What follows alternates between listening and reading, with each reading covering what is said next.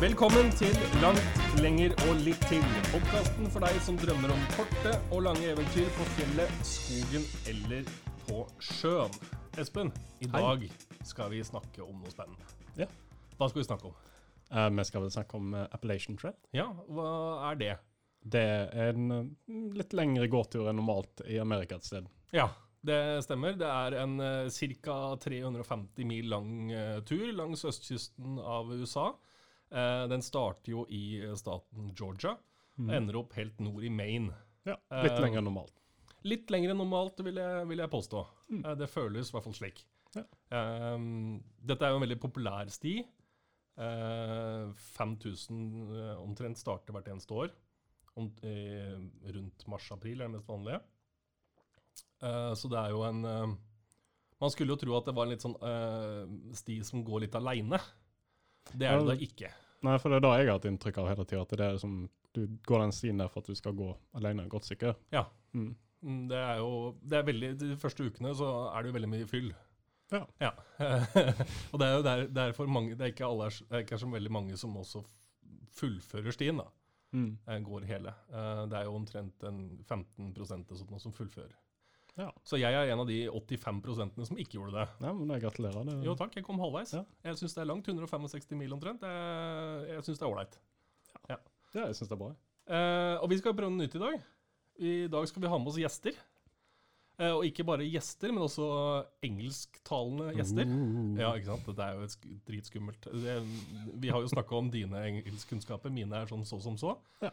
Eh, men de vi skal snakke med, det er eh, to, et, ektepar som, eh, som gikk turen sammen, som fullførte i 2018. Mm. Eh, og det er litt interessant å høre hvordan de opplevde hele, hele ruta. Og det Og spesielt Jeg gikk jo bare halve veien. Og det, jeg er jo ikke kjent med hvordan det var resten av turen. Eh, men jeg gikk jo en del sammen i første halve, halve turen. Ja. Skal vi bare slenge de på, kanskje? ja. Skal jeg bare introdusere det? Ja, skal vi Ja. slå over på engelsk? Ja. ja. Hello. Hello, welcome Dan and Nikki from the US of A. Hello, thank you for having us. How are you? Doing good today. We're uh, we're at home. It's a nice Sunday morning. It's um it's warm outside. It's, get, it's getting hot here. I think it's in the 90s today. And uh, you know, we're uh, we're we're in working from home. I'm sure like a lot of people, but we are excited to uh, have some interaction here over So, to talk um, about outside.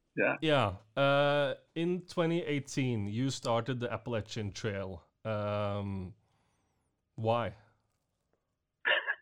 This is a simple question, but a really, really, um, what would you say, uh, uh, a hard question. Well, to what a, a simple question to ask, but a hard question to answer. Yeah. yes, you're you're absolutely right. Um, so I think that the the short version of that is we we had just gotten engaged and we were planning to get married and it presented a unique opportunity in our lives to kind of go on an adventure after our wedding and to use it as our honeymoon experience. Um, and we knew it was going to the marriage would be a change in our lives and we knew it kind of would change our whole trajectory. So we figured this is kind of our chance to do something crazy, something a little bit uh, different than what you know the average uh, couple does for a honeymoon.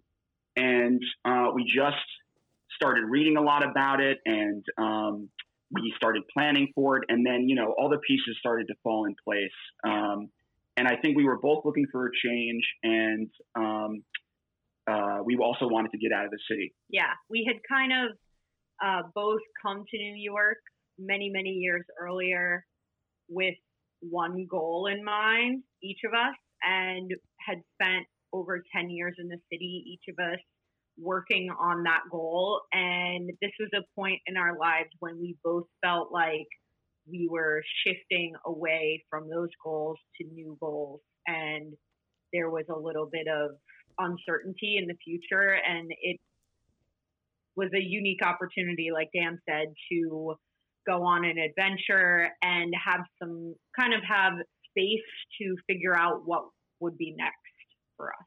But uh, if you if you talk about typical honeymoons, You think about Yeah. you're maybe going to Jamaica for uh, for 14 days, uh, Bahamas and stuff like that. Not shaving Yeah, your head and going into the woods for six months. I mean, it's a good way to test the strength of your relationship, though. That's- Yeah. That's what people kept saying. They said we're either going to be closer or we're going to be divorced by the time we're done with this. I I actually had a third alternative. There were three in my mind. It was that we would be closer or divorced, or I would have killed Dan in the woods. That's one way of doing it. so so um, you guys started uh, around the start of April in 2018. Yeah, I think we actually started. I'm looking right here. Um, I think our first start date is the March. March. I have March 28th, Yeah. uh, or actually 27th. Yeah. Uh, uh, uh, there's a there's an arch at the start uh, in Georgia where you started. Yeah. And I know you took a picture of that because you, you Yeah. always wanted to take the picture of at the starts. Wha Yeah. how, how did how did that feel like? Looking back at it, we look like these chubby little marshmallows, like with too, with too much stuff. Way too much gear. Uh, yeah, overdressed. Um, and So much. we look like we look like foreigners in a country like we have our cameras out and are about to like you know just be the you know the stereotypical foreigners. like tourists. Yeah. and, and I just remember that day I was really stressed out. I just felt so much stress and anticipation just to get going, and I don't know. I, it was it was a it was a really tough day that first day. I think. Yeah. I didn't feel stressed until after the archway. And then we came to like this stairway. There's all these stairs that go straight up this waterfall.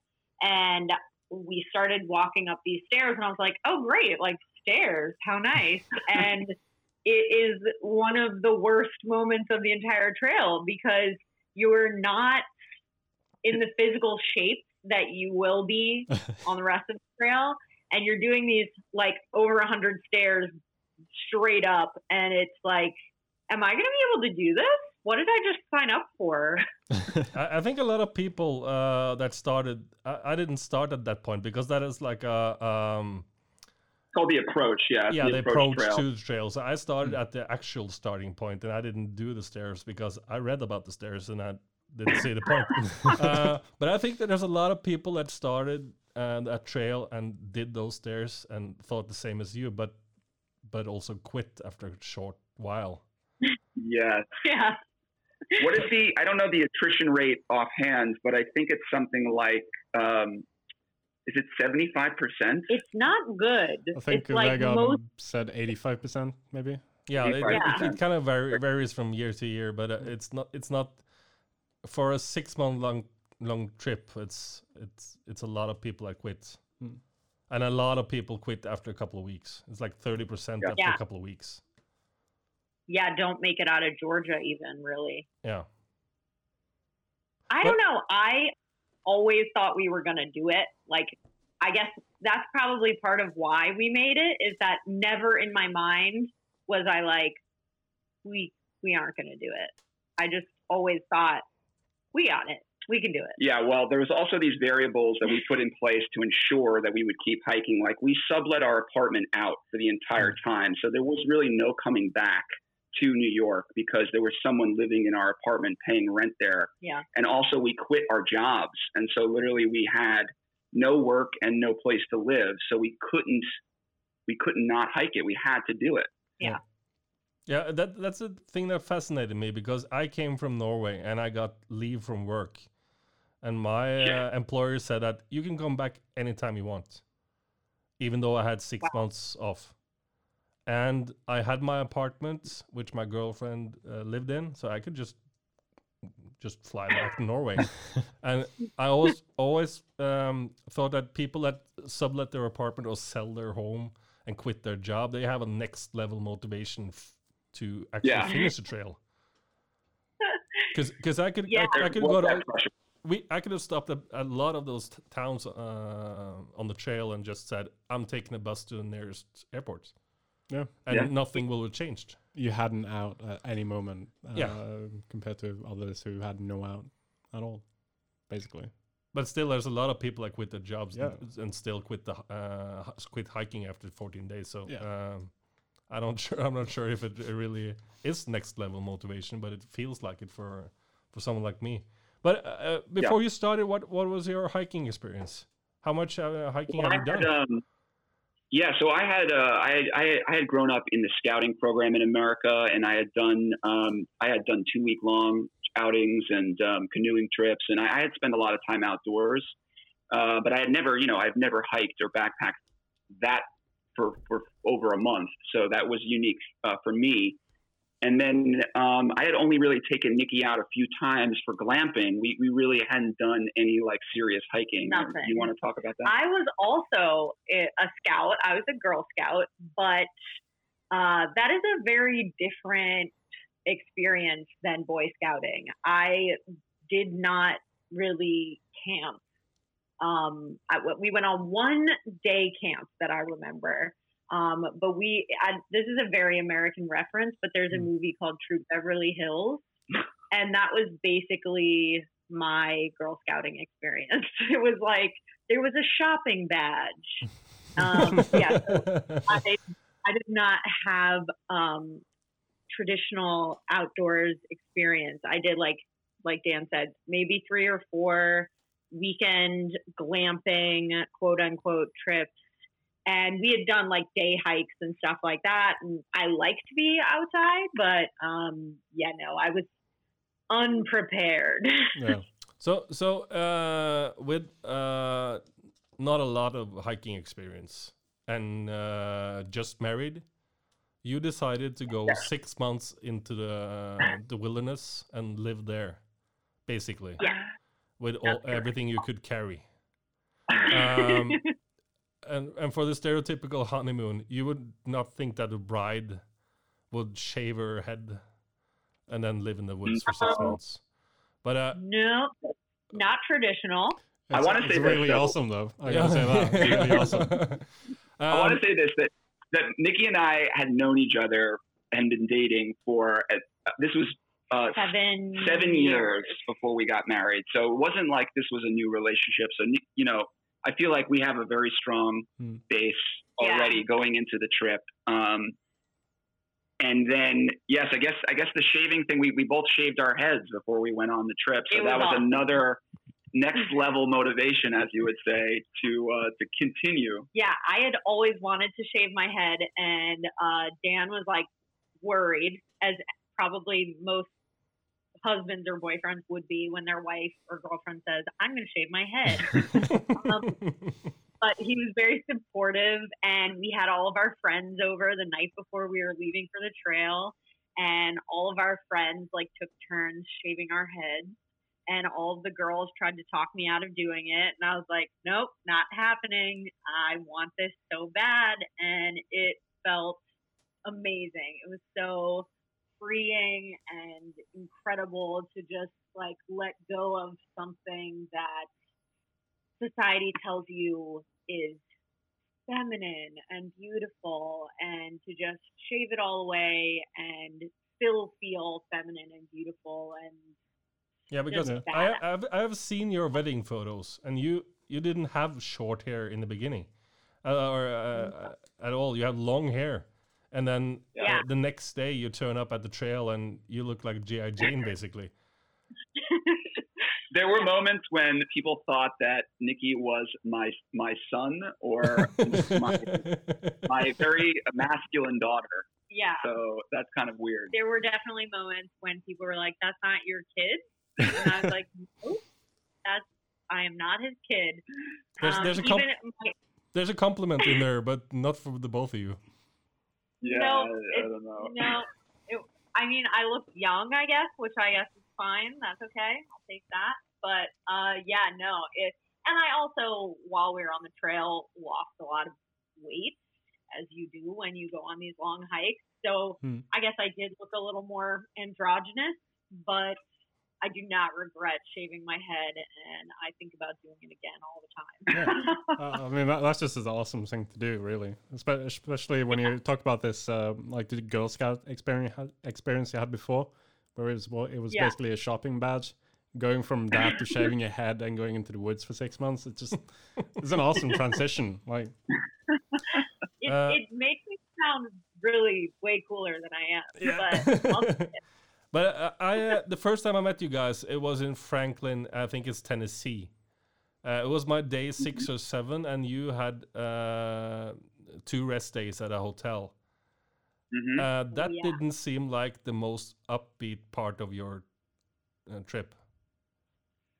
Yeah, well, what had happened really is, um, you know, we we had really not dealt with any severe weather up until that point. It was early on, and we didn't know from experience whether it would be good to go hiking in a in a storm or whether we should just brave it out. And you know, what happens on the trail in the mountains is, you know, you have you have concurrent days of, of bad weather. So you either are just going to stop hiking and sheltered in place, or you're going to try to hike through it. And you know, we were green still then, and we were learning, and we we had, we t- we took two zero days in a row, which probably we didn't need to do early on, but we just decided to do it. But actually, I'll say this: that we were hiking too many miles to start. So actually, the rest days were good because our legs and knees were really showing wear and tear. Uh, they were swollen, basically, um, from all that hiking because the tendons in the knee joint do not develop fast fast enough compared to the muscle fibers. So We were in pain.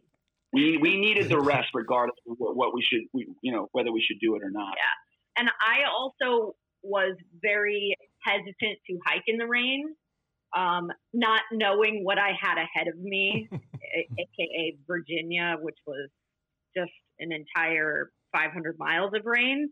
But I I wasn't sure like if it was the right decision. I was like, all of our gear will be wet. That will be miserable. And you know, three months later, you're just like, well, that's hiking the trail. That's what it is: is being wet all the time and just putting on your wet sports bra in the morning and getting on with your day. But at at week at like what day six or seven, we didn't know that yet, and so we were like, oh, we're gonna stop and wait for the rain, and that was definitely stressing Dan out. And I think if we had done that, if we had, if we continued to stop and wait for the rain, we would probably still be hiking the trail.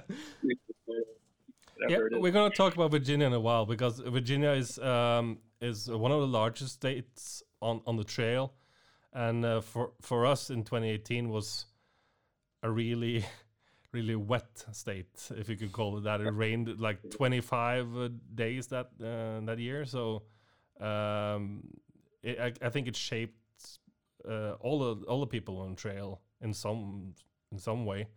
Uh, but- Yeah. but it, when you when you went into the first um, two zero days, zero days uh, means that you didn't walk any miles Mm. on the trail that day. Uh, did you already learn a lot about uh, the technical stuff and uh, how you approach the trail? Well, what we had learned that we, we had gone to a little bit of a rhythm. Uh, we learned uh, a little bit about our pacing um, as a couple and um, how, how to try to keep a good pace and um, who should be in front and who should uh, follow. yeah, We learned um, a, a lot about uh, filtering water um, and how long that takes and the That was- process. that was new to us. And then, uh, you know, we, we learned really the big, I think the big eureka thing was that the, the joy of hiking kind of was coming to us in waves. We would, we would kind of be uh, feeling maybe not low, but kind of, you know, moderate or calm. And then you get this rush of excitement and adrenaline. And that would hit you, and you'd feel great. You'd feel like a, a king or a, or a, like a Viking. You know, you know what that's like Um, and you get really excited and it would really push you to continue to hike. Yeah. Uh, but then that would, again, that would fade and recede and you'd have to kind of find that again. And so we just were learning the kind of the ebb and flow of the day. Yeah. Um, and also learning about um, how to keep conversation going and, you know, when to be quiet and maybe when to put some music or a, a podcast on or something. And so, yeah, it was a, it was a very formative learning time for us. Yeah, that and like we, I think I want to say within probably the first week and a half, two weeks, we found our like system for breaking down camp and setting up camp at the end of the night. Um, so we each had like our tasks, and you knew when you got to camp, you got those things done immediately so that you had time before it got dark to like have a little social time, write in your journal, you know, do read whatever it is you're going to do in camp. Um, so we were starting to get the hang of it and figuring out like what food didn't work Yeah, or did thing. work Yeah. In terms of like what's good to carry and what sucks to carry, um, stuff like that. We were Yeah. starting to figure out. Yeah. Uh, but because I'll say this that you can read as many books as you want before the trail, and we did. We read, uh, I think, everything that's out there. We, we, we could that we could get our hands on, but it won't prepare you. Nothing will prepare you until you get on the trail and you're actually doing doing it. Um, and that's not. I don't want to say that to scare anyone, but it, it's just you know it, you just you just realize that hey, this is what it is, and uh, it's either something that you know you want to continue doing, or it's something that you don't ever want to do again. Yeah. Also, I- I think me and Vega talked about this uh, previously, previously as well. But it's also a bit about finding what works for you. Like what Yeah. what's uh, written in a book doesn't necessarily work for you, so you have to find your own kind of way of doing stuff. That's also very Definitely. important. Yeah, Yeah, I mean, that, sorry, continue. I, I didn't Yeah, we, uh, well, the first episode we actually did on this podcast was uh, before Espen went on his hike, and Espen uh, said that he didn't really know what he was doing, and we went through his pack. What did he bring? And uh, there's some things I I questioned, um, but I didn't really want to tell him what's smart and what's dumb because he's he's Yeah. got to figure it out that, himself. And, and my my point of view might not work for Espen. Yeah. So so um, I know that the three of us didn't have the same type of equipment and the same needs on the trail. Um, Mhm. But I think after a while we found out what works individually for us. And Yes. I, I, Yeah. I remember that you you guys had a um, what I would say a pretty rigid system because uh, and it, it comes back to your trail names because in uh, the US it's really it's common to get trail names as you get like a nickname instead of using your real name. Hmm. And um, Nikki, you were pace car because you were always go, uh, at the front. Yeah. And uh, that you were adjusting the tempo, and uh, Dan, you were Pac-Man because you had a lot of pack bags in your Yeah. in your pack. And I had every- very- every- I had a everything lot was a real system uh, uh, around it, and I was more like, okay, just throw anything in there and just walk. we had like color coded bags for each like designated category. So like kitchen and food was orange bags. Um, blue bag was like toiletries, you know, like uh, con- I wear contacts. That's another fun thing to deal with on the trail. Um, and then we had a green bag that was like our clothing. So yes, Dan had a system in place for all of that. Uh, and I'm kind of more like bookie, just like go with the flow. Uh, but I had to be in front, be mostly because Dan would just run down the trail and I would lose him forever. No, it was important. It's actually very important because I, it forced me to be in the moment and not, uh, you know, um, live in the future. You know, um, and a, it was a, you know, it was an important lesson for me. Um, and I'm glad that she took the you know, the lead and set the pace for us. Yeah, because it, it's it's a real uh, it's a big part of this podcast is talking about how to enjoy the moment you're in and not just racing to get to the to get the uh, to your goal. And uh, uh, I also uh, remember thinking that you actually calmed down a little bit when uh, when uh, Nikki was in front. Absolutely true. Yes. I we the first like two weeks sometimes we would go back and forth like it, it didn't really set that way probably until like a week and a half in i really was like i am going in front because otherwise you get very worked up when you're in front. Like why aren't we going faster? And that wasn't the journey that i wanted to go on. I needed um, in my mind the trail was going to be kind of like wandering through the woods, seeing all the creatures, taking in the trees.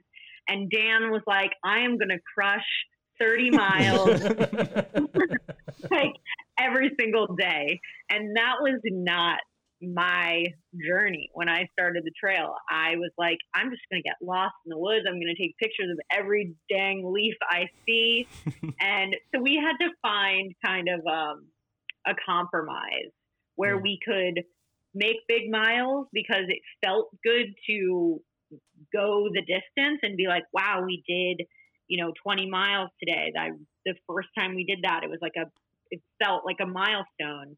But also stop and be able to take a picture without like freaking out that we're wasting time because that doesn't mean anything. We all of the time is just out here being in the woods. Like Yeah. that isn't the waste of time. This is take it in because this is all that there is for the next four months. Yeah, you're probably not going to walk it again later. like it's probably a one-time thing for most people. I'm going to guess.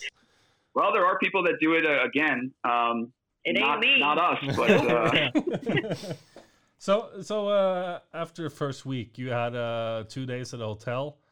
Uh, Yes. AT the AT being as uh, a social uh, hiking trail as it is. When did you first meet uh, people on the trail that you hiked with daily, or with, uh, with that you got friends with? And and it's and it's funny thinking back to it because we actually met. Um, uh, Dan. no, no, no, no. I'm not thinking about Dan. I'm thinking about. Are you Um, thinking about uh, Cat Cat? no, no, no. Um, who, God, what's his Oh, name? Adam. we met Adam. So, um, for, you know, for the listeners, you know, uh, for a while, uh, it was four four of us hiking together. Uh, Nikki and I, Bookie, who I don't know. Do they know your? Do they know your trail name? no. They do now. They do now. Bookie, and then a gentleman who refused to have a trail name, or he couldn't he couldn't identify couldn't with really one. He never identify with he never chose one. We had many for him, but um, his He name was didn't Adam. like any of them. so we met Adam first, and we actually I remember trying to talk to him, and he didn't want to have anything to do with us. No. So, uh, um, but he did tell us about a really cool Viking who was awesome and hiked really yeah, fast. he kept talking about like- this Norwegian guy, and we're like, oh, okay, all right, well. But then he said you hiked really fast, and we're like, well, we'll never meet that guy. But you know, this is this is what happens early on. Uh, every you know, there's a big cluster of people. They call it a bubble, and everybody's setting out. And then you know, the people people find their pace, and you know, you get you end up getting whether you like it or not stuck with people who hike the same pace as you, and so you'll flip flop with them. Um, you will maybe hike with them, and uh, and if you know, depending on your off days that you choose to take, you might even uh, you know relax with them. Um, so. I was think it was early on though that we like met a few like little bubbles of people that Yeah. we ended up seeing pretty much all the way through the rest of the trail. Yeah. We were either like one day in front of them, one day behind them, or camping together all the time. So I would say overall, we probably met a good group of about up to eight people that we kind of were close with on a on a name basis that we saw continuously throughout the trail. Um, and and of course there were more, but uh, you know, um, people people form their little cliques. If you know some so so there's some groups that form, and uh, we certainly had kind of a group, but then we also was you know Nikki and I, so we were a couple, so it was kind of like we were already a group. Yeah. Um, so that was it toward towards, towards our advantage. Um, in a way, but then, you know, I do I did feel like other groups were reluctant to uh, take us in because we were already our own unit. So Yeah. if they had a, a group going, we weren't necessarily like easy to approach because we already had our Yeah. little like relationship. but Bookie, I remember meeting you actually on top of a mountain uh, with Adam. We hiked into the campsite. It uh, was Tray Mountain, I think it was called, and you guys had already set up camp. And so you, I think you were already eating, and we hiked in and found a spot relatively close to you. And it just so happened that everybody was in a good mood that night, and we all ended up talking. Um, and that was early on. It must have been in like North Carolina or something. Yeah. I don't know if it was Tray Mount. Yeah, because I think it was. I, I remember meeting you in Franklin, and Tray Mountain was, I think, was a little bit before that.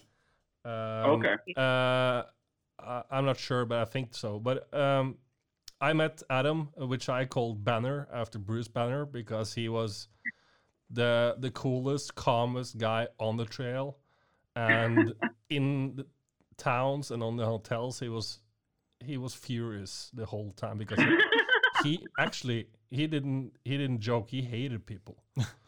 and he hated everything about the towns and he didn't want to stay there so i don't think he had a rest day before uh, i think i forced him in uh, after two months to take an I think he had a, he hiked hundred days without a rest day, right? Yeah. Hundred days straight.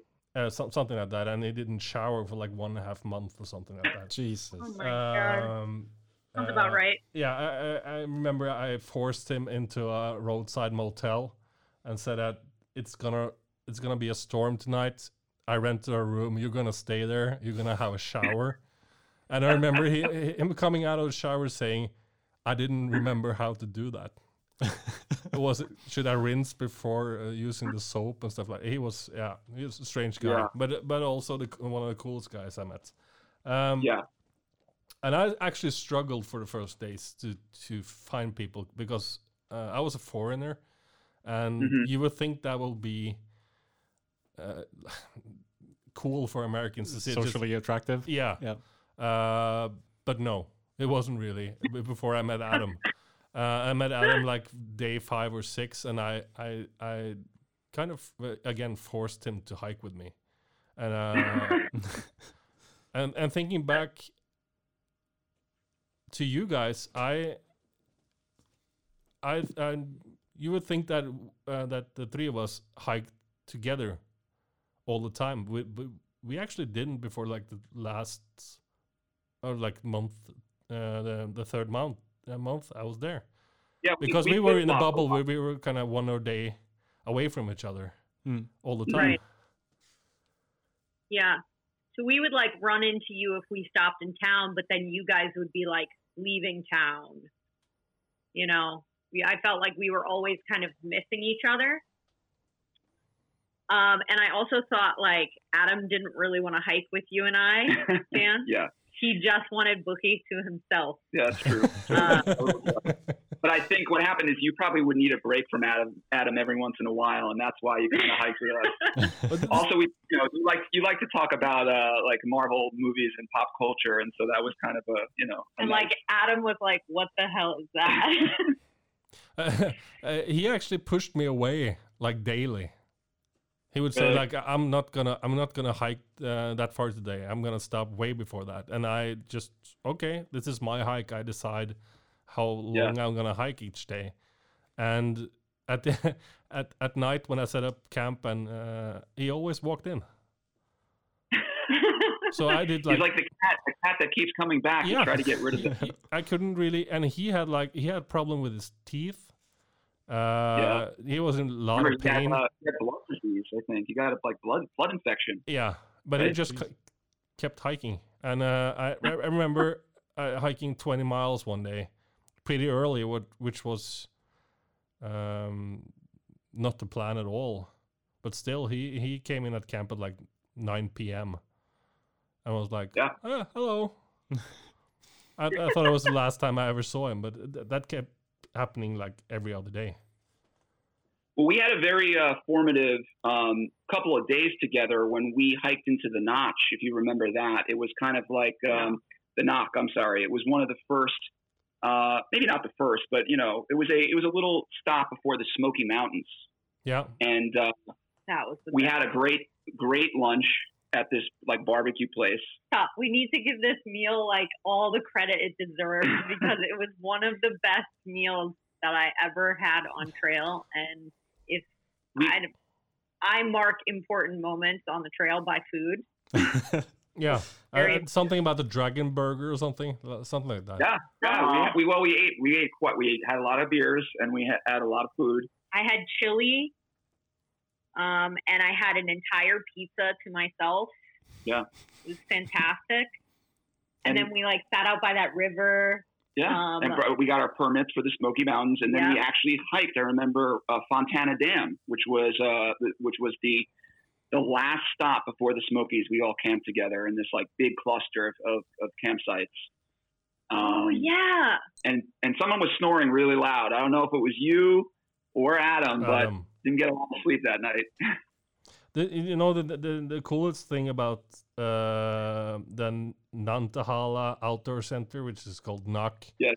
uh, which uh, talk about that. We had a great time there, and the, the- I think the f- the the funnest things for me is when we were there. That was my birthday, Oh and, I man, don't, I and, don't- I, and I don't think I told anyone I don't, because I don't that's think you told us that. no. I, I think I t- told you, or you found out like a week later or something. Sounds Honestly, about not right. surprised. Oh.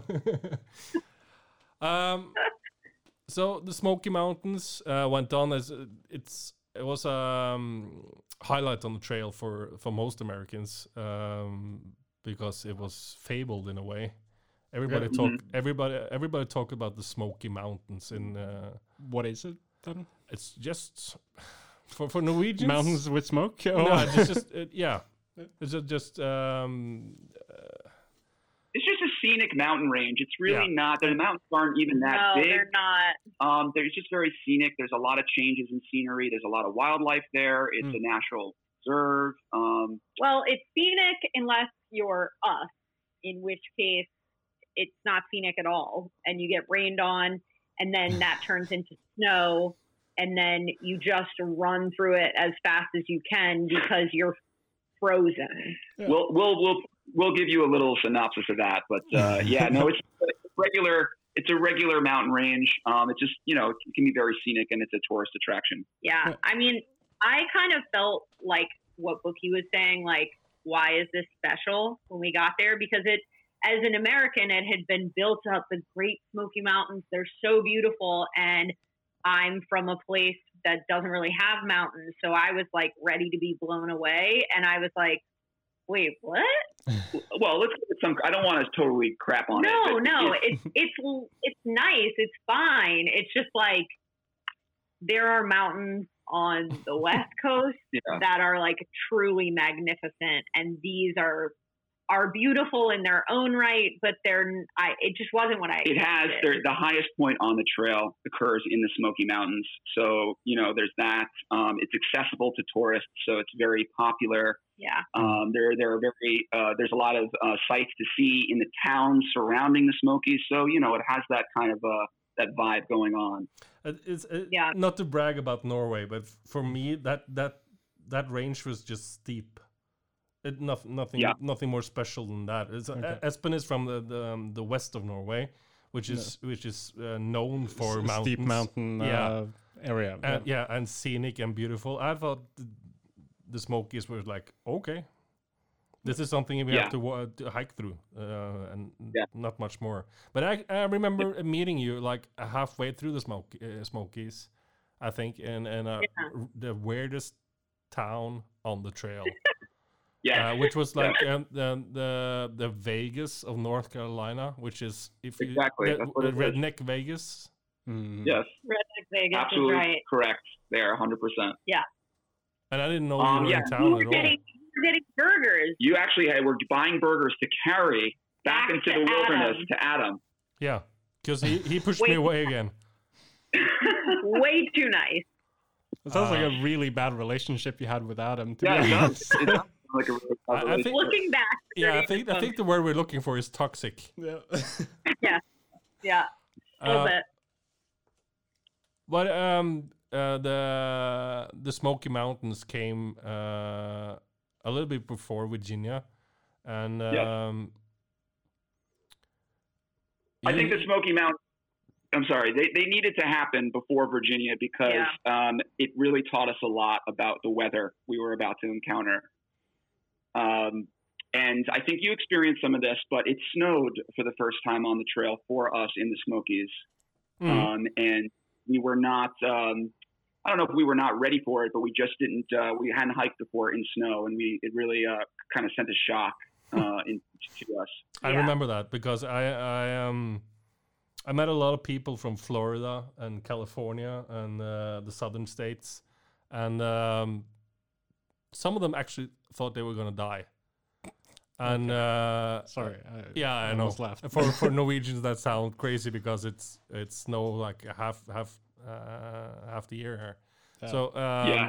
uh, I actually enjoyed it uh, in some part. I felt like home when it was snowing.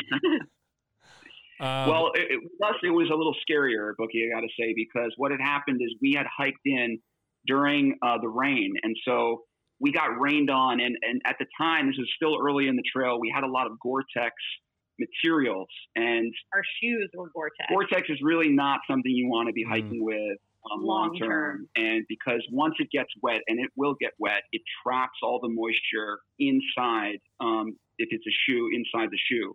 And so what happened is everything got wet and then froze overnight. So when we woke up in the morning in the snow, not only were we cold because we were in snow, but all of our stuff was frozen our boots, our, our hydration, our water, our socks.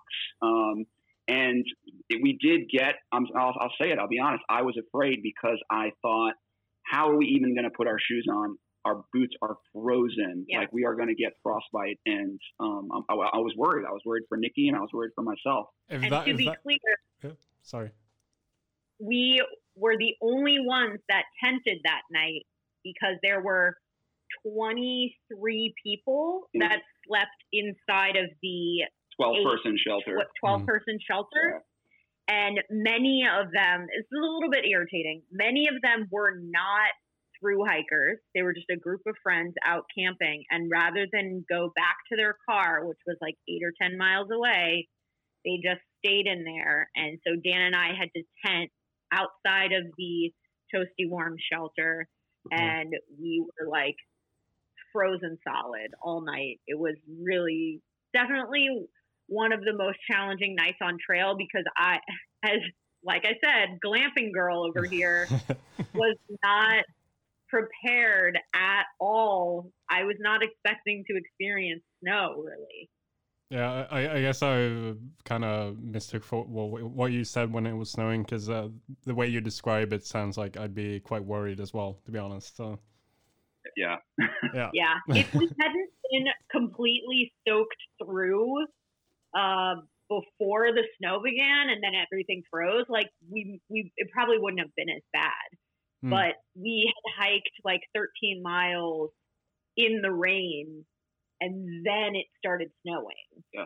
Yeah. And so we were we were drenched. And then the next day was we we did The our next day was our first mile 20 day. mile day because we literally just put our cold stuff on and we were like, the only way to get this warm is to warm it with our bodies. So we Yeah. put it on, we started hiking, and we did not stop until we got to uh, the, that the, the final shelter. shelter in the Smokies, um, which is actually like a bear cage. It has like a cage on the front of it, and it's actually really scary looking. but I mean, we did it. Yeah. we we got survived. through it. We survived. We put on our frozen boots, and then the day after that, we were we went to that little like hostel and got like frozen sandwiches and like charged our phones and Yeah. it and it was beautiful and sunny the next that next day as soon as we finished the Smokies and we were like, is this a joke? I think everyone, uh, uh, everyone that hiked the trail, uh, especially that year, had one of those uh, incidents where you actually uh, got a little bit afraid, and I had one as well after the Smokies. Um, I think I and uh, Adam and I had hiked like ten days straight in the rain, and I Mhm. just I couldn't keep it up, the being positive anymore. So I just Mm. said. Uh, I'll beep this out, but fuck it. And uh, and uh,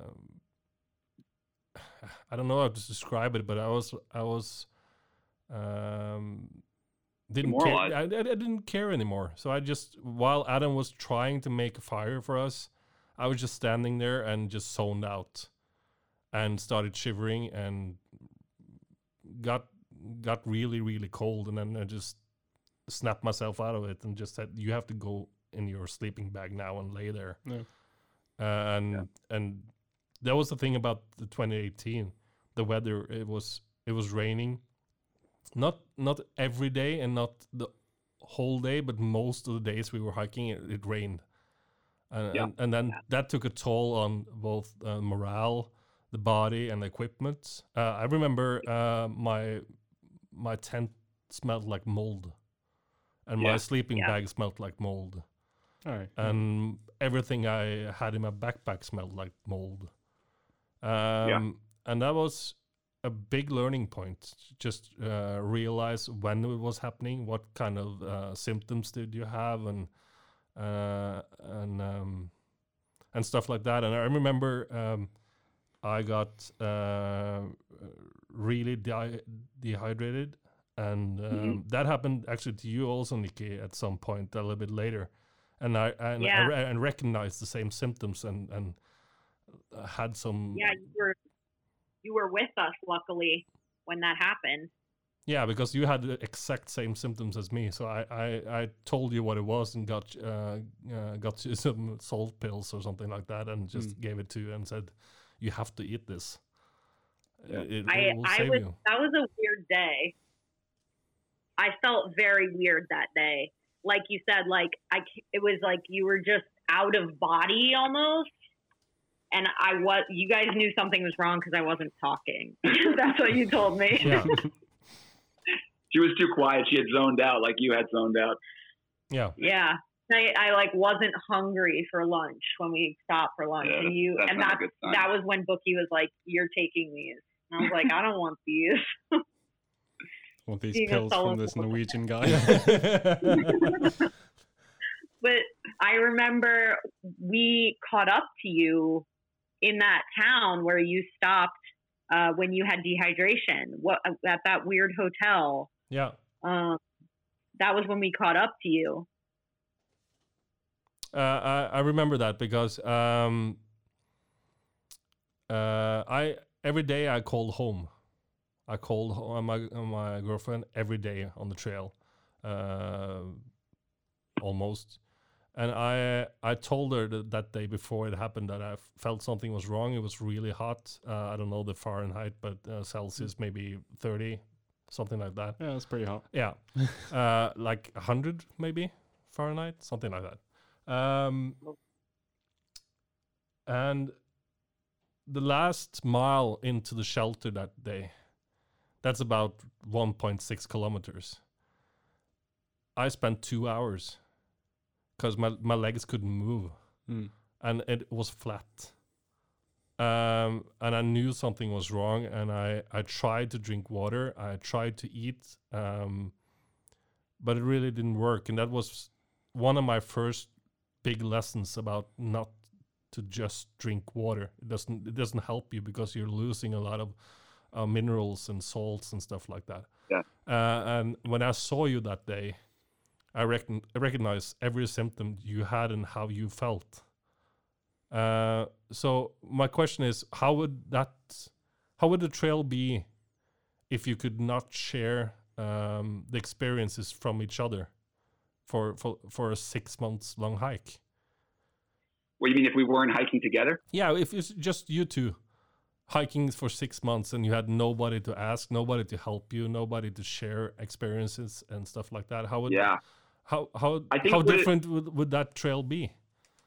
Well, I'll say this: after we left you, Bookie, in West Virginia, um, that was like our that was what our experience was like for the sec the, the second half of the trail. We were pretty much um, just just hiking, just Nikki and I, um, because all the groups had kind of spread out by then, and um, you were you were encountering random people that you were either catching up to or that were hiking southbound, and you didn't know them. So we kind of were just by ourselves, and it was it was probably the hardest time being by ourselves because we had bonded with people early on, and that really that connection um, really made the days kind of go and and made the miles go, and we look forward to it uh, when we would come to a campsite at night. Is uh, you know seeing who was there and some seeing somebody we knew and kind of just trading stories.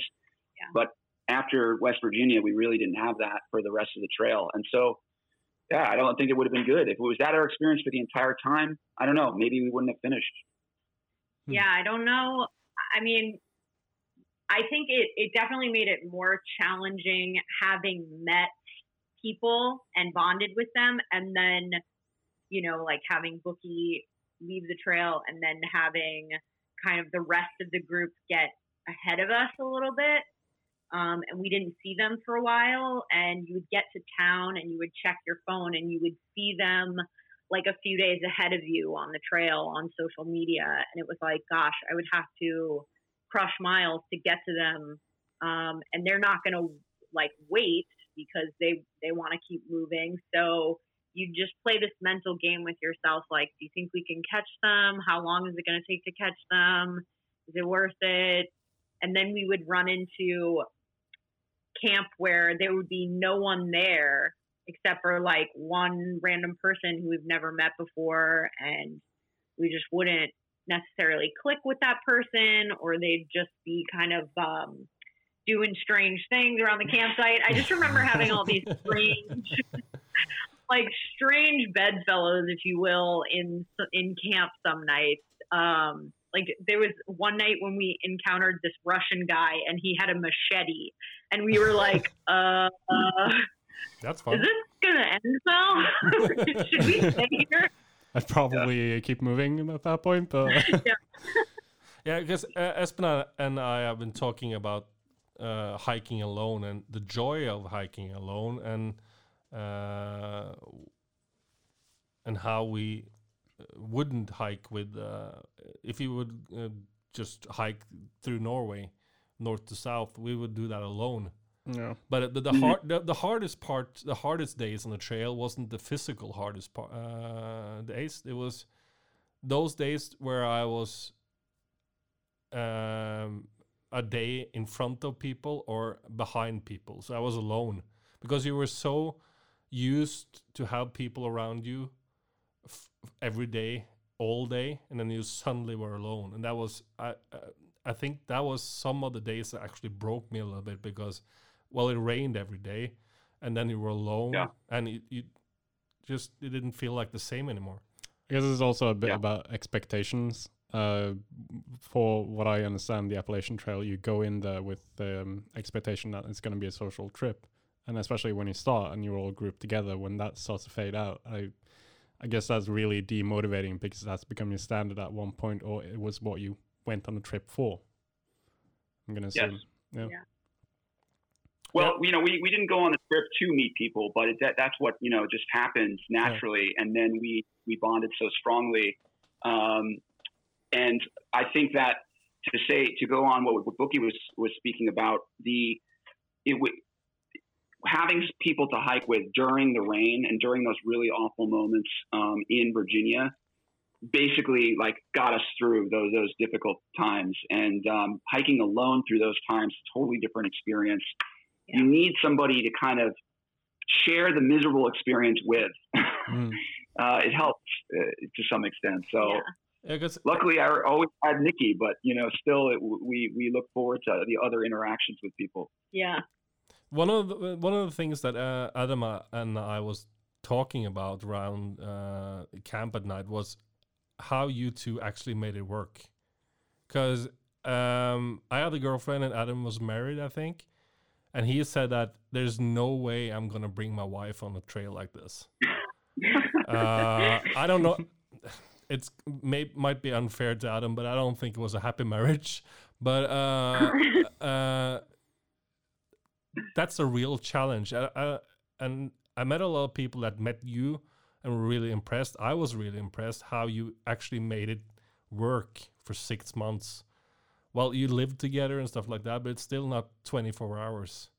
You lived in the same tent. Yeah. You never uh, split up. Uh, you did everything together. Yeah. yeah. It was intense. I mean, but um, I uh-huh. it was intense. no pun intended. Uh, well, I think, like like I said, we we had we had uh, been together seven years prior to this. We, for some reason, we worked a lot of our jobs together. Um, we we are contractors, so we do um, you know uh, gigs here and there, and a lot of Con- and by contractors he means like freelance freelance workers who kind of go from gig to gig. Um, so that's what we were doing. And we worked a lot of our jobs together. So we also had a working experience, not only just a social and living experience, but a working experience. We knew how to handle each other in uh, stressful situations uh, and what the, each person needed. Most of the time. Most of the time. Um, I will say that um, I honestly think that I needed Nikki on this trail. I don't think I could have done it alone because I thought that I would have to worry about her freaking out, and I was the one to really have the freak out moments, like the mental freak out moments. And she was the one to kind of calm me down and talk me off the cliff. I don't know if I ever was that for her, but uh, she definitely was the one to like calm me down and just say like, keep, let's just keep walking. Like we're gonna do it. It's fine. Just like we'll get through it. We we took turns supporting each other in different ways, but I think you know Dan felt fairly confident going into the trail in terms of his ability to hike and as a you know a boy scout like he was confident in his skills as in the wilderness whereas I was not. So I was like leaning on him for you know how do we hang a bear bag? Like I I can put up a tent but you know like I I don't know. I, I didn't have a lot of wilderness skills when we started the trail. So I wasn't so much confident in that, but I have been an athlete and a dancer my whole life. So I was like, look, if I can do ballet, I can walk for 2,000 miles. yeah. Um, how, how did you, how did you solve the issues that came up during the trail uh, uh as a married couple? Like, uh, uh, I will guess you had discussions we could get into fights. I mean, like, um, I, I think um, early on, actually, it was probably when we fought the most because we were still trying to develop like all the the pace and the, the job duties and all that stuff. And then hmm. we got into a rhythm, and I think we we uh, we that all, all that stuff calmed down and faded away. Um, but how did we deal? How did we resolve this stuff? I think we just talked a lot. Um, yeah. When we when we couldn't find a subject to talk about, we just listened to music or a podcast. We talked a lot about the future and how what what we could do together and what our lives would be like. And so there was that conversation and that hope that we had all the time to kind of, you know, commiserate on and and there's also not like you can't really let things fester on the trail in your relationship because you're together all day and you're going to have obstacles to overcome throughout the day. So you're constantly in communication. So when that breaks down, you, you have a real problem. So we yeah. there was there was no you couldn't ignore it. You had to deal with everything right then and there because you had the time. Number one, and can't go anywhere. Yeah, you're not getting away from me. Um, and you know, there's going to be something else that comes up, whether it's like fording a river or yeah. you know dealing with some other thing that happens on the trail you you've got to work together. Actually maybe that's it because i think the issues are bigger than the normal issues that maybe the petty issues that yeah. you deal with in everyday life. The bigger issues are like are we going to have food? Are we going to find shelter? Are we going to be dry? Um, right. you know or where do you know are we going to be able to find a place to go to the bathroom? All that stuff that it's more immediate on the trail that's the priority and everything else kind of is not significant Right. That makes sense. Uh, the trail is is um, I would I would say dominated by men. That's that. Yeah. There's not a lot of women on the trail. Uh, there are some. Uh, uh Nikki, how how was it for you being a woman on the trail with that a lot, uh, mainly just men around you? We met. I, I remember we met some women, but uh, there wasn't really a lot of them. Do you know yeah. why? Did it, uh, why do you think it's it's male well, dominated? I think I mean there's there's a couple of reasons in my mind. So as I said before, like the Girl Scout system where I was is like heavily flawed and I didn't really have the wilderness skills to feel confident hmm. walking into the woods. It just wasn't how I was raised. So that's like was one reason for me. Um, but if, you know, if that's not the case, I feel like safety is one of the larger reasons. Um, you know, being a woman alone in the woods with a ton of other guys around that you are just meeting for the first time is like probably the first thing your mother would tell you not to do. so that is a little scary. And I I noticed also that like the women that I did meet on the trail found their little group very quickly. Yeah. Mhm. Um, they weren't hiking alone usually, um, just because uh, there's safety in numbers and the trail is social. So like you link up quickly, and as a woman, it's just there's a little bit more. Um, there's a little bit more at stake, I Mm, guess. Uh, you know, you, you feel like you need to uh, surround yourself with people that you can trust um, and people that are going to support you on this journey. But I mean, other than that, Well, like I I, think you have a harder, you have Why? a harder ex- everyday experience is harder for women. well, not every day, but you know, there's also like there's things that women have to plan for logistically on a on a long hike that men just aren't going to have to plan for. Uh, You know, y'all don't have periods. you don't, you don't have to deal with that in the woods. And that, like, honestly, it was, I thought that was going to be my biggest challenge in the woods. I was like, that's going to suck. But, like, it wasn't, not even close. It just made, like, things a little more complicated. But, you know, that wasn't really, that wasn't it at all. It was more like a safety thing.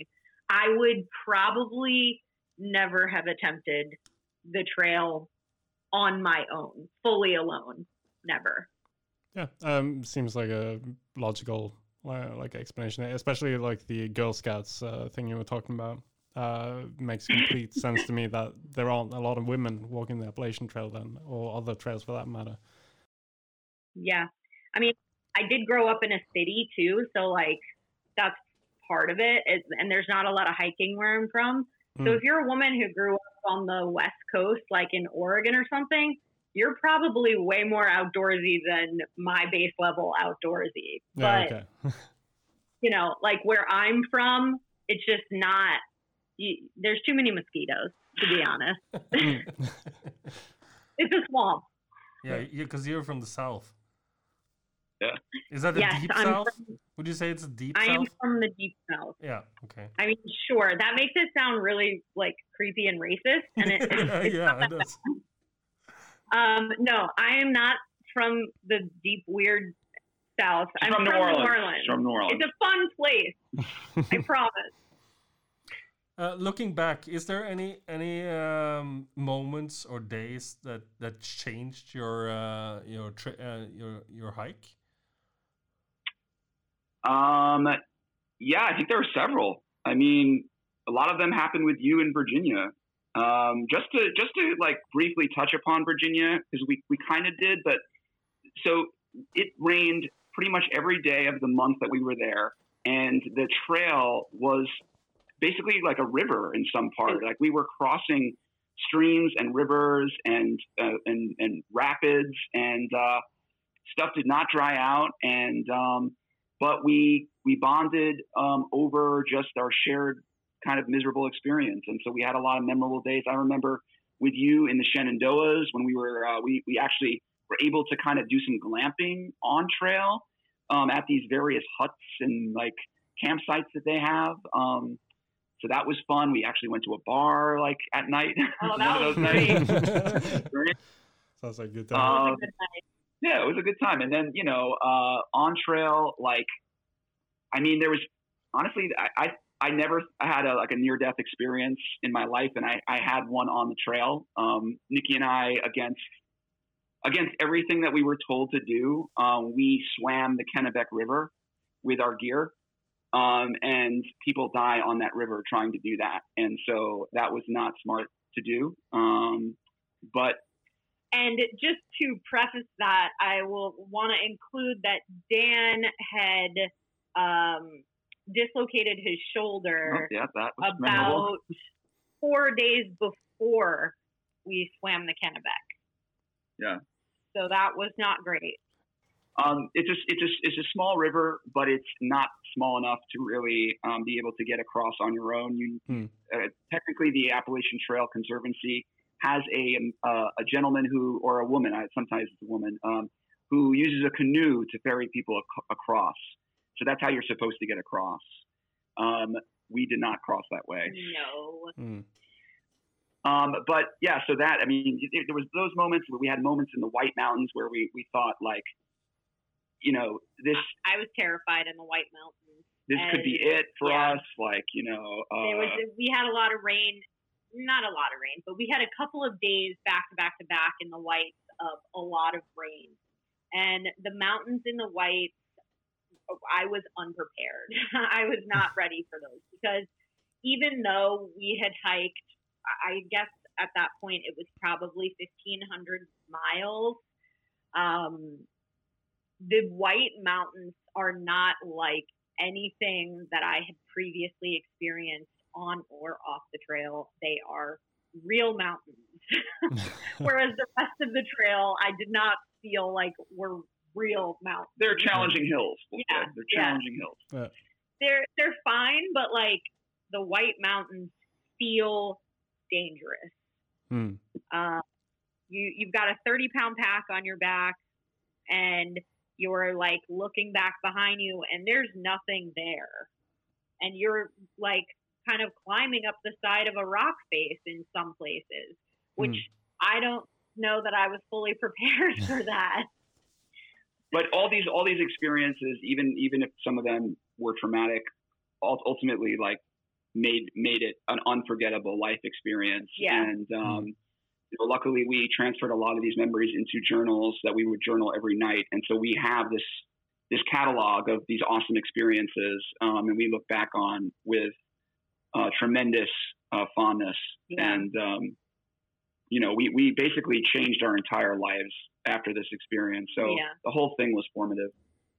It was. I mean, I know up to this point, while we've been talking about it, it does sound like maybe not the most ideal circumstances, but I wouldn't change any of it um, in any way because it it made the journey very special. Each challenge, each moment, every person that we met along the way um, is part of this this story that we've written down in our journals that we carry with us and it's a big part of who we are and who we've become since the trail. Yeah. I think it, I can't remember if it was me or you, Vega, who said it. That if everything was ideal and everything went perfect, it would be a really boring trip. That Yeah. it- it's, uh, the fun is in the challenges and in the moments that really uh, can traumatize you, uh, maybe. Like those are the stories Yeah. you're going to tell and remember the most. So Right. yeah. The struggles. yeah, I mean, I was uh, particularly worried about Mount Washington because I had read a lot about it and the high winds and the weather patterns being different at the top of Mount Washington. And, um, you know, of course, we had like four days of rain and we were like, we shouldn't go up if it's raining. And we kind of did the same thing we did in the beginning. Like, even though we probably should have just gone up, I was very worried about Mount Washington. And it was completely gray that day. It was raining and you couldn't see your hand in front of your face at the top of Mount Washington. But uh, when we got to the top, I just remember crying. Like I burst into tears because I did it. And that was the thing that was, I thought I just didn't, I didn't think I was going to do it. I didn't know that I was going to be able to do it. And that was kind of the moment for me, even though it was like, okay, you only have like 600 miles left. you know, I, that was the moment when I was like, I am doing this. I think I realized uh, pretty early that you were going to finish the trail. Um, uh, you said a bunch of times, Nikki, "I'm not a quitter. I'm not going to quit. It, it, it's not a. It's not an option." Uh, and uh, and uh, I don't think Dan would have lived with himself not finishing. Uh, I don't think you could. Yeah, I, I, I'm not sure if you could just cope with that going home. Uh, so uh, it was, I, I think it was pretty clear for people around you that you were going to finish no matter what. Well, that's nice to say. I'm not sure that uh, that everybody had that confidence, but um, at least some people saw it, so that's good. Yeah. I do think, like, in the beginning, there were definitely people that saw us and they were like, oh, look at all your nice shiny new gear. like we definitely got picked on a little bit in the beginning for being novices, but um, yeah, we freaking showed them. So whatever. Good for you. Because uh, um, uh, maybe one of the best parts on trail for me was after I told everyone that I was quitting, and I still Yeah. had like ten days left, and I, I I still think I did the right thing going home. Um, Yeah. because I felt like I did my part. I did the thing I wanted to go do. Uh, but the last Mhm. 10 days with you, knowing that I was going to New York, I talked about, uh, because you live there, I, I talked Yeah. about uh, every pizza place I was going to. every, I still remember two bros, by the way. Um, and I, I remember I set myself um, the challenge to keep your mood up for the last 10 days because it didn't stop raining. And I knew that I was, this was the last 10 days. I'm going home. and I Yeah. already had a plan to go on a road trip in Europe uh, before uh, it, that, that exact moment I decided to go home. Hmm. So I was I, was I was Yeah. having something uh, in front of me, and um, but I realized that even though you had hard days, I especially uh, remember the last day we camped out. Uh, Dan was, I don't know if we're angry or just depressed or something, but it, it, it felt like this is my day to just, uh, just my my job to keep you going. And, and I remember I, I, I bought a lot of snacks and candy and just threw it in your So tent, just, like- just like okay, get the smiles up. Hmm. Um, and and I, was a I- great yeah, yeah. I also remember that I said to Dan that I know I can do this now, and I'm I'm that kind of person that kind of doesn't want to do it anymore if I know I can complete it. And you told me one thing Yeah. that was really important to me that you said, but you can't, you can't do it. Your body can do it, but your mind can't. And and the the stuff like when you say that, uh, it's it can be hard to to get that from a friend, but it's true, and it really builds uh, on um, why I think you stood uh, at the at the end.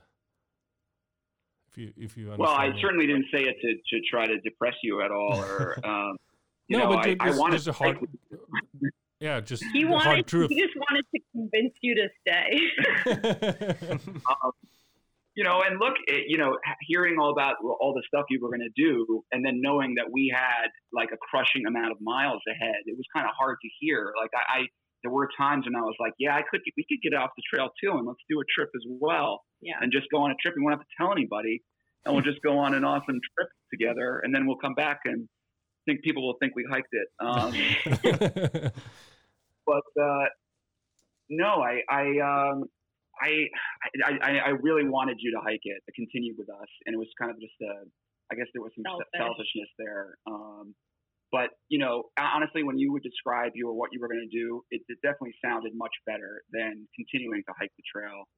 Um, before you met us, you were crushing the miles, and you were like, you know, uh, you were clearly one of the people that was going to finish, and I you, you could have done it. You you you you could have done hiked the trail. Um, but at you know at what expense? Like it is time, right? It is time that you will never get back. Yeah. So it's time with you know when you're hiking alone, you have your girlfriend overseas.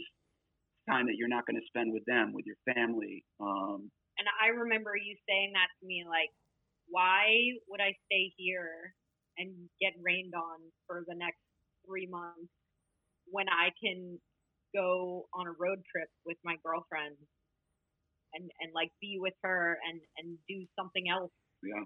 enjoyable. This is not like There's no- fun anymore. There's no contest. No, but the, the, the, revelation to me is that it wasn't fun anymore, and uh, Yeah. and I had like 170. Um, uh, um, is it miles? No, yeah, no, uh, 170k. No, Yeah. uh, no, that's not right. 1600k left, and I was Yeah. I was at that point that it isn't fun anymore. So why why should I spend uh, three months of my life doing that some doing something that's not fun? Uh, Yeah. and I I, I think I uh, matured a bit about that uh, dream of standing at the at the end point. Uh, that I What do you- always What do you think now? hmm? What do you think about it now, looking back? Do you have any regrets? I I honestly can't watch any movies or or blogs or vlogs about that trail because it hurts. Uh, but it's it doesn't mean I did the uh, made the wrong decision. It just Mhm. I'm competitive. Yeah. So Yeah. so it feels like I lost in a some way, but but I I also won because now I want every day I want to go hiking. And I don't think I would want that if I finished. Oh, yeah, that's a good point. uh, then that was my that was my reasoning really for for leaving because I was afraid I was gonna hate hiking when I when I was finished if I finished. Yeah. Uh, but I also was I, I was pretty um, conscious about seeing myself at the top of the last mountain, seeing myself, the image of myself standing there, and that that was all I thought about when it when it rained and it was hard and I was in pain and stuff like that. But yeah, Visualization. yeah. Um, so that brings me to the next point. Uh, we talked a little bit about, about Virginia, which was for us hell on hell on earth, really, because if if it wasn't if it wasn't uh, raining, it was uh, mist or fog that made it wet, um, and uh, and we talked a little bit about the White Mountains, which is at the, at the end. How did it feel standing on top of the last mountain and just realizing that this whole journey was over?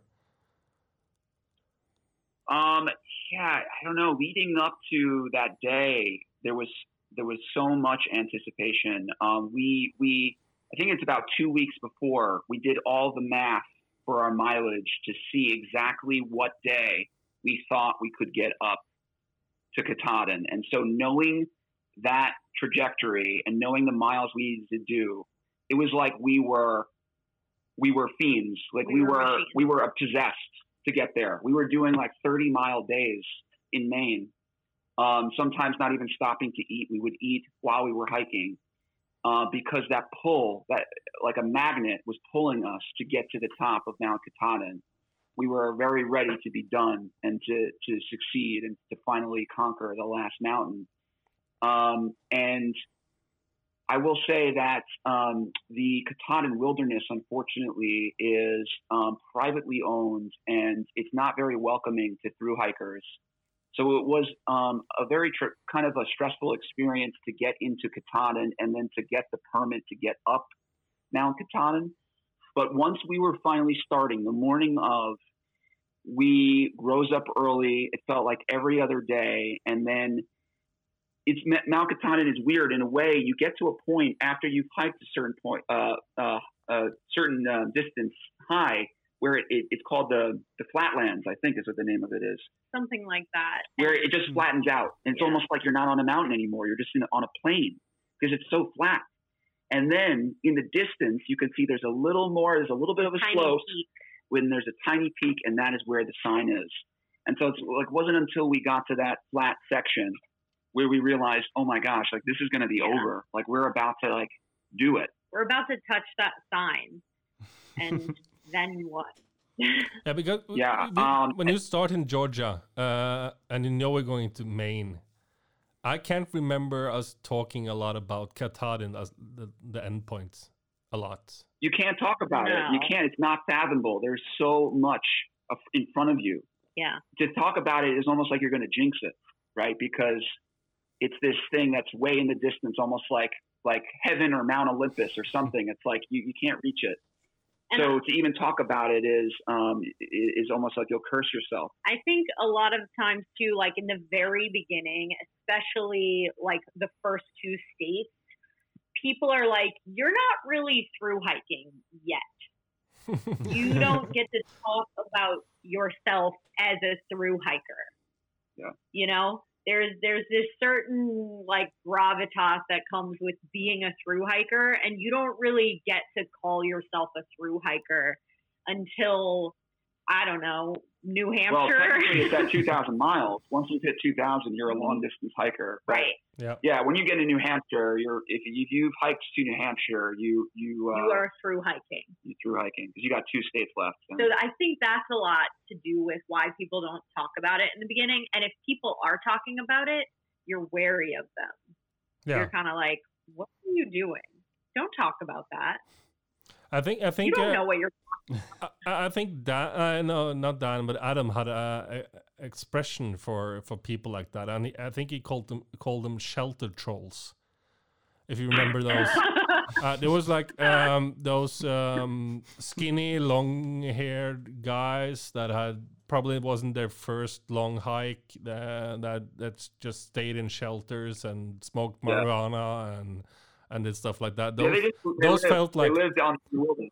Yeah, those felt like through hikers the first couple months because it Yeah. seemed like Yeah. they did it just because they had long hair. Um, it was kind of strange, but uh, when you say it was you were possessed by by reaching the goal, was it because you were tired of the trail, or just uh, like the anticipation of, of that feeling you you were? Uh, It was it was both. I'll say that Maine was exhausting. You finally get to the last state, and for some reason, I don't know why I thought this. I thought that it would like it would be easier, like coming out of New Hampshire, which is supposedly, you know, it, it, reportedly on the trail was the hardest section in the trail. You know, the White Mountains and the Mahoosuc Notch is in there. Um, supposedly the, the hardest part, but then you get to Maine, and Maine is like every other state, like the hardest part of every other state combined. all rolled. It's all thrown into one state. And so you're you're you know you're on your final state. You're excited that you're in your last state, but you have some of the hardest miles ahead. Um, and it's hot as hell. it's hot now by this point if you're doing a you know a northbound hike because you're getting into you know the the, the, the dog days of summer and uh, the bugs are starting to come out and um, you know uh, You're close, but you're also yeah you're close not. but not close you close. still got miles to do so you know there's that thought that entered my head well what if we uh maybe we could shuttle ahead or maybe let's like let's just skip this part like who cares about this part let's just get to the cool part but you know that um, obviously takes away from the journey a bit um, Yeah, there were some really beautiful moments in Maine, but overall, I would say Maine was a it was a bit of a drag. We really wanted to get done by the last two weeks. We were yeah we were we were tasting freedom from the trail. We were kind Yeah. of like we were tasting. We, we wanted to return to some of the comforts, um, you know, of Yeah. every, of everyday life and. When we had put in the miles, so we were like, "Let's get the title already. Let's like grab the, the title belt." we wanted. Yeah, we wanted the notch in our belt. At that point, it was. Yeah. It was. You know, we a lot of the other thing that was really challenging is that after you left the trail, our group really spread out, and like Dan said, we were hiking alone for the the latter half of the trail. And that made things a lot more challenging for morale because we didn't have other people to bolster us um, the way that we did in the first half of the trail. So it was on us to pick each other up. And we did and we could, but having other people to keep it light um, really made a difference. So by the last two weeks, we were we were very drained emotionally. I think Yeah. we, we needed a break. Uh, maybe to just uh, wrap this up as well, but when you finished the hike and you went back to, because you lived in New York, right? Mhm. Yeah. Was that kind of a shock coming back to New York after being on a six month hike in uh, on the Appalachian Trail? I imagine that being quite a shock to the system, sort of. It, it wasn't. It wasn't because we, you know, look. I lived. I, I lived there previously, like 12 years, or 12 to 15 years before the hike. Nikki had been there 10 years, and so you know, your body, your mind Mhm. remembers what it was like. Um, so there is a bit of a groove that you fall back into. I Mhm. will say there was there was an excitement to come back because obviously you have the comforts of being able to cook and go to the bathroom and you know uh, you don't have you could you know not hike every day. It just it, there was an excitement to be done and to come back, but everything I will say this for I think six months after the hike, all of the memories from the hike were so vivid in our minds. Hmm. If if Nikki mentioned a campsite, I could literally think it in my mind and visualize where the tent was, where the you know the the privy was, and who was with us, and just the the memories and the smells. Everything was still so very vivid, um, and that was kind of a beautiful thing uh, that obviously has since faded. But um, the the thing that was the most shocking, you talked about shock, was that nobody understands what you just did. Hmm. o- other than the people that were on the trail with you. So you would, you know, people would ask us about it, and you know, no one really would. We would say it, but no one really understand. They would think it like, oh, that that's some crazy thing these two people did. Like, yeah, I would, you know, that was crazy that they did that, Yeah. but they didn't really understand. Uh, you can could never really connect with them about it because it just it was totally foreign to them. Yeah. And even, you know, you you'd go on a job interview and they'd be like, "What's this six months or this four month gap in your resume?" And I'm like, "I went uh, um, hiked the Appalachian Trail," and they were like, "What's that?" Yeah, people had no no basis, no no knowledge of it. You know, And then you have to explain it, and they're like so confused, and you know you're not getting the job because they think you're crazy. Well, uh, the, the thing I, I felt, uh, I went to Wall Street uh, the first day I came to New York, I think, and uh, I I felt really really small. I felt like I, I, I this is another this is another world to me. This this is not. Even though I I, I come from a, a small town in Norway, which is yeah, it's like 40, 40 or fifty thousand people, Yeah. and then go to the woods for three months, seeing four people a day, and then going straight to Wall Street.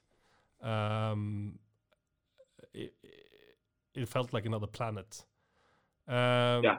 Yeah. So uh, I guess it's easier for people that live in New York to go back to New York, but uh, Yeah, for, for me, it's makes like sense. it, it. I, I kind of like the city, but I just want to go home.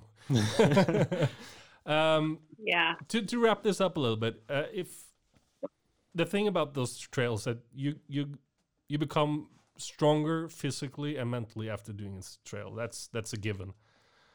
Uh, but could you give me a reason why people should do a long trail like this, and a people and a reason why people shouldn't do a, tr- uh, a trail like this?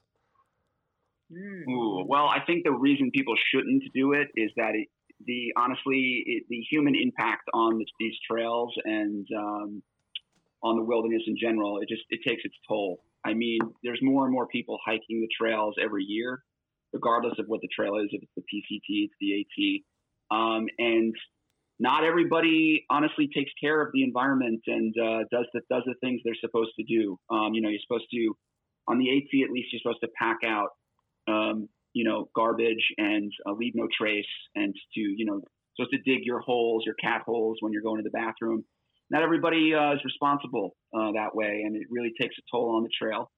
And another thing is, you know, um, I, and, I, and I, I'd love to this to be addressed. Maybe you guys address it on the podcast, but for for people who are hiking and they're so connected to the wilderness, um, the the whole idea of trail runners and how trail runners are disposable and how we go through like four or five, sometimes six pairs of shoes on an entire hike Hmm. that are not recycled, but just go right into the garbage and then into the ocean. That's that's very irresponsible for the community. I, I wish something were better about that. Yeah, there is a lot of waste around the long trails in America. Um, and, you know, I feel like a lot of people are drawn to these long trails because they've read Wild or they saw the movie.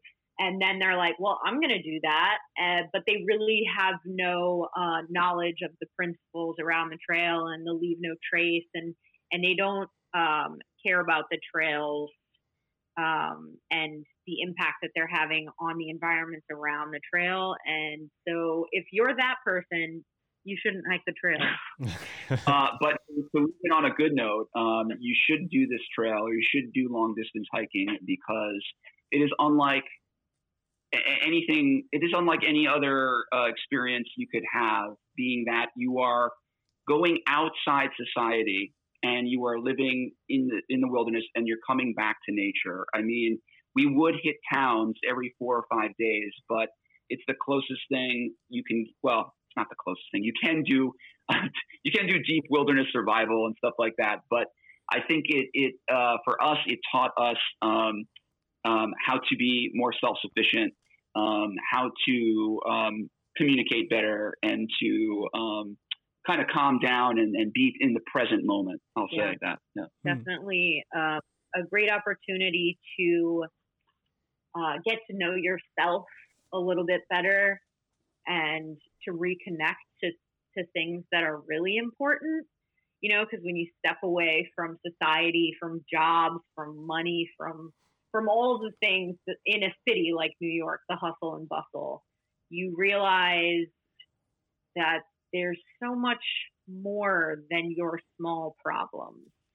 Um, and uh, that was the real beauty of the trail for me is is like letting go of all of those uh, things that seem important and coming back to yourself and what's really important and believing in your own strength, which is something I found on the trail.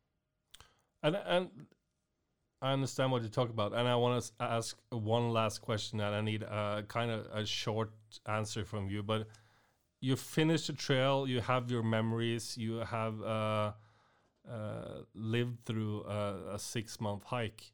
Do you think if you did a new six month hike, your expectations for that trail, uh, based on the last trail, will ruin the next one? Wow. Um, And a, That's sh- a and hard a short answer too.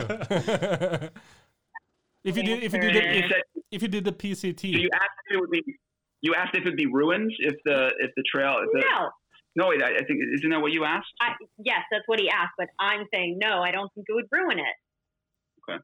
Yeah, I I'm open to adventure in in any shape and form, and I'm ready for a different kind of experience on the trail. Yeah, the next. um, I don't think it would ruin it I think it would it would change it and I would be I think I'd be better informed um, uh, my expectations would be more realistic I'll say that Yeah. Yeah. Uh, I think we're gonna close it off there. Then, uh, thank you both for coming. here. It's been very interesting to talk to you and hearing uh, hear about stories and the experiences. Enjoyed it thank you for having us and uh, Yeah. hopefully it's Yeah. helped maybe somebody who's listening Hmm? What, what was that? hopefully it's helped somebody listening yeah Yeah. Hopefully, it's interesting. Yeah, yeah, thank you for sharing your story. and uh, Thanks. yeah, we'll call it there. And uh, thanks to everyone listening. And uh, yeah, anything to say, Vegard, before we close? Tardas. Talas. Bye. Bye.